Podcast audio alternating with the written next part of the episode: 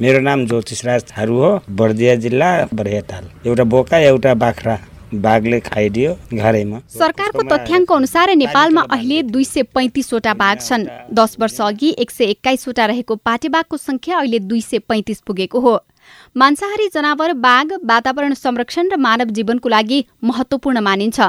राष्ट्रिय निकुञ्ज तथा वन्यजन्तु संरक्षण विभागका पर्यावरणविद हरिभद्र आचार्य। खास गरी तराईको निकुञ्जहरू पर्सा चितवन बाँके पर्दिया र शुक्ला फाँटा बाघको वासस्थानको लागि उपयुक्त क्षेत्रहरू हुन्। त्यसको भित्री कोर एरियामा बाघलाई आवश्यक पर्ने आहारा प्रजातिहरू अभिवृद्धि गर्न र यसको बास स्थान व्यवस्थापन गर्न घाँसे मैदान त्यस्तै पानीको पोखरीहरू निर्माण गरेर पनि केही मात्रामा बाघको संख्या थप्न सक्यौं। ग्लोबल टाइगर फोरमको तथ्याङ्क अनुसार करिब सय वर्ष अघि पृथ्वीमा एक लाख भन्दा बढी बाघ थिए तर अहिले पृथ्वीमा बत्तीस सयको हाराहारीमा मात्रै बाघ रहेका छन्।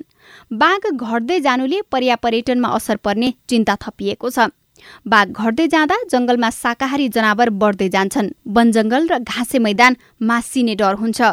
पर्यावरणविद आचार्यका अनुसार बाघको संरक्षण गर्नु भनेको मृग प्रजातिलाई नियन्त्रण गर्नु पनि हो। यदि बाघ नभएको भए मृगको संख्या यति धेरै बढ्छ कि एक वर्षमा दुई पटकसम्म बच्चा पाउँछ र कहिलेकाहीँ एउटैले दुईटा बच्चा पनि पाउँछ। छ महिना एक वर्षपछि फेरि नयाँ जन्मिएको बच्चाले पनि फेरि बच्चा जन्माउने भएको हुनाले यति ठुलो संख्या बढ्छ कि त्यो सङ्ख्यालाई नियन्त्रण गर्न सकेनौँ भने त्यहाँको घाँसे मैदानदेखि लिएर सबै प्रजातिहरू खाएर नष्ट पारिदिन्छ। बाघले आहाराको रूपमा चारखुट्टे जीव त्यसमा पनि मृग प्रजातिलाई सबैभन्दा बढी मन पराउँछ। घाँस काट्ने वनमा साग तरकारी टिप्न जाने मानिसलाई बाघले धेरै आक्रमण गर्ने गरेको छ।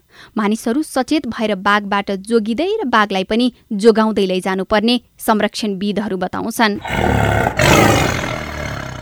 नेपाल बाहेक बङ्गलादेश भुटान कम्बोडिया भारत म्यानमार लगायत विश्वका तेह्र देशमा बाघ पाइन्छ।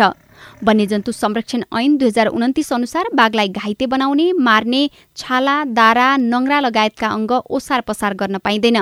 यदि ऐन विपरीत काम गरे पाँचदेखि दस लाख रुपियाँसम्म जरिवाना र पाँच वर्षदेखि पन्ध्र वर्षसम्म जेल सजाय हुने व्यवस्था छ। गीता चिमोरिया सिआइएन काठमाडौँ।